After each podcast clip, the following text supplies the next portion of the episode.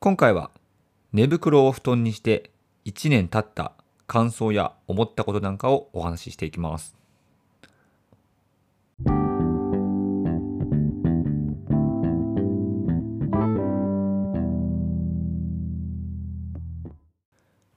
皆さんこんばんは。ヒロトのフラーっと独り言。えー、本日は火曜日ですね。お話ししていきます。はい。えー、皆さん、最近眠れてますか？というふうに言いたいんですけども、まあ、最近もうだいぶ、あの外も寒くなってきましたし、まあ、家の中でも僕はもう暖房をつけてます。はい。ちょっとまだね、早いかなと思うんですけども、でもつけないともう次の日が、あの、寒くて、うん、まあ、なんならもう寝てる途中に起きてしまうぐらい、うん、それぐらい僕は寒いの苦手ですし、あんまり、あの、脂肪もないタイプの人間なので、はい。もう今の段階で暖房っていうのは欠かせなくなってます。うん。いや、この調子ですと、もう本当に冬、まあ12月とかね、まだ11月がね、来てないんですけども、迎えた時に、いや、これどうするかなと思って、うん。ちょっとね、いろいろ考えないとなと思いながらも、はい。ね、なんとか寒さを乗り切る方法を今ちょっと考えている、そんな感じです。はい。えー、今日はですね、そんな、あの、寝るっていうことね、関してなんですけども、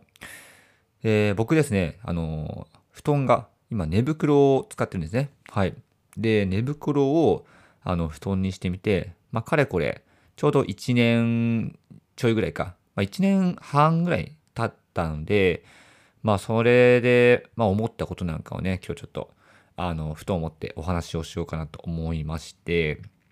はい。で、そもそもなんで寝袋をまあ布団にしてるのかというと、まあ始めたては、まあ、一人暮らしを始めたからっていうのは、え、ー、と一つあって、僕実家があの千葉の方にあるんですけども、まあ、もちろんその千葉の実家では、まあ、寝袋は別にあの布団にはしてなくて、ちゃんとベッドがあるんですけども、なんか一人暮らしを、ま、した時の、ま、自分の、ま、決め事じゃないですけども、まあ、一つスタンスとして、あの、ま、ミニマリストでいようというふうに、あの、決断したんですね。はい。まあ、ミニマリストって、まあ、一時期すごい流行ってたのかな。はい。まあ、いわゆる、ま、物をほとんど持たないで生活する人のこと。うん。あとは、ま、外出するときも、本当にもうスマートフォン1台とか、なんなら財布も持たないとかね。まあ、それぐらい、まあ、あの、物がなくても、まあ、暮らす人。うん。逆に物がない方が快適な人。なんかももしかしたらね、ミニマリストっていうふうに言うかなと思うんですけれども、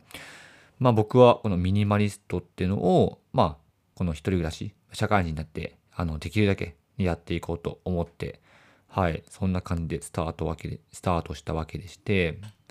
で、まあね、いくらミニマリストって言っても、まあ当然、あの、寝る場所は欲しいということで、うん、じゃあそう考えた時に、やっぱりベッドを置くってなると、あのまずベッドをあの自宅に入れる、まあ、手間もありますしかつベッドってすごいスペースも取りますし、うん、で仮にじゃ引っ越しをしたいってなった時に、まあ、いちいち解体してなんですか？もう業者に運んでもらってっていうふうに。まあこのミニマリスト的な考えからすると、まあ、だいぶ外れてるなっていうねいうふうに思ったのでまず、まあ、ベッドっていうのはあの候補の外に外しましてで、次に、まあ、布団も考えたんですけども、でも布団も、うん、なんか収納スペースが、あの、そんなね、一人暮らしのあの部屋が、ね、広くないのもあって、まあ、いざあの寝て起きた時に、まあ、片付ける場所ってね、あんまないなと思ったので、まあ、布団も、まあ、候補から外すと。となると、もうね、ないんですよね。はい。もう、あの、寝るための、何ですか、まあ、シート的な、ね、ものが、まあ、見つからないので、で、どうしようかなと思った時に、あの、ちょうど自分の父親、まあ僕のね、親が、まあ一時期単身赴任を、まあ、していた時があって、で、その時に、あの、キャンプ用品を、あの、まあ自宅にセットして、まあそれで生活してるってことをね、まあ聞いて、まあ、僕も一回行ったことあるんですけども、もう本当に、あの、ベッドは、まあ、寝袋ですし、寝袋えっ、ー、と、なんかね、まあ、テントがあって、そのテントの中に、うん、寝袋があって寝てたのかな。はい、そんな感じで、なんか家の中でキャンプをするみたいなね、うん、なかなかよくわかんない状況で、まあ、生活してるってことを、ま聞いて、まあ、見てですね、うん。まあ、だったら、あのー、それでも生活できるんだったら、うん、まあ、ちょうど、えー、寝袋だったらそんなにスペースも取らないですし、うん、かつも収納もね、すごいしやすいっていうのもあって、じゃあちょっと寝袋で、はい、あのー、一人暮らしやってみようってことで、うん、まあ、それで寝袋を布団にし始めたっていうのが、まあ、大きな理由ですね。はい。で、まあ、この寝袋を布団にして、まあ、かれこれ1年半とか経ったわけなんですけども、まあね、僕が感じた、まデメリットとメリットですね。はい。ちょっとご紹介をすると、で、まあ、先にデメリットから言います。まずデメリット、うん、まあ、あんま良くないというかね、うん、ちょっと不便だなと思った点は、あの、まあ、寝袋ってね、あの、良くも悪くも、うん、本当平面で寝られるんですよ。うん。なので、あの、まあ、場所は取らずに、あの、眠れる場、うん、ということで、まあね、そこは便利ではあるんですけども、まあ、だからこそ、うん、なんかね、高さが足りないんですね。どうしても。あの下が別にふかふかはしてるんですけども、そんな厚みがあるわけじゃないので、例えば、じゃあね、その、寝る時に枕を置くってなった時に、まあ、僕は枕一つでは足りなかったんですよね。うん。なので、今でも、あの、枕を2つ、あの、重ねて、ね、ちょっと高さを、あの、保った段階で寝てるんですけれども、なので、まあ、要するに低いってことですね。はい。そのまま寝ると低いっていうのが一つ、まあ、デメリットっていうかね、まあ、あの、不便だなって思った点です。はい。えー、あとは、まあ、これは寝袋の特徴でもあるんですけども、まあ、スペースが狭いってことですね。はい。まあ、なので、いわゆる、その寝返りっていうのがなかなか打ちにくいっていうのが、まあ、一つデメリットで、うんまあ、ここはね、あの、まあ、始めた当初は、まあ、すごい感じていたんですけども、まあ、一応、まあ、最近では、その、まあ、寝袋をね、2つ買って、で、1つを、まあ、シーツ代わりにして、で、1つを、まあ、いわゆる掛け布団代わりにするみたいな、ね、そんな感じに出るので、まあ、この、ま、スペースが狭い、眠えーと、寝返りを打ちにくいっていう、まあ、課題は一応解決はできたんですけども、はい。まあでもね、あの、まあ、やりたての時は、うんまあ、寝返りが打ちにくいっていう、ね、まあ、ちょっと障壁があったので、まあ、そこは一個、まあ不都合だなと思いました。はい。えー、まあでもそんな感じですかね。意外と、なんかデメリットっていうデメリットを考えた時に、僕は正直あんまりないなと思いました。はい。逆にですね、まあ、メリットの方がね、結構大きいかなと思ったので、で、一応メリットもね、紹介すると、えっ、ー、と、まずですね、まあ、さっきも冒頭で言ったように、まあ、収納がしやすい。はい。これは一つ大きなメリットです。まあ、僕はですね、収納をしているというよりも、もう起きたらそのまま、あの、畳んでますね。はい。まあ、一応、その、寝袋って、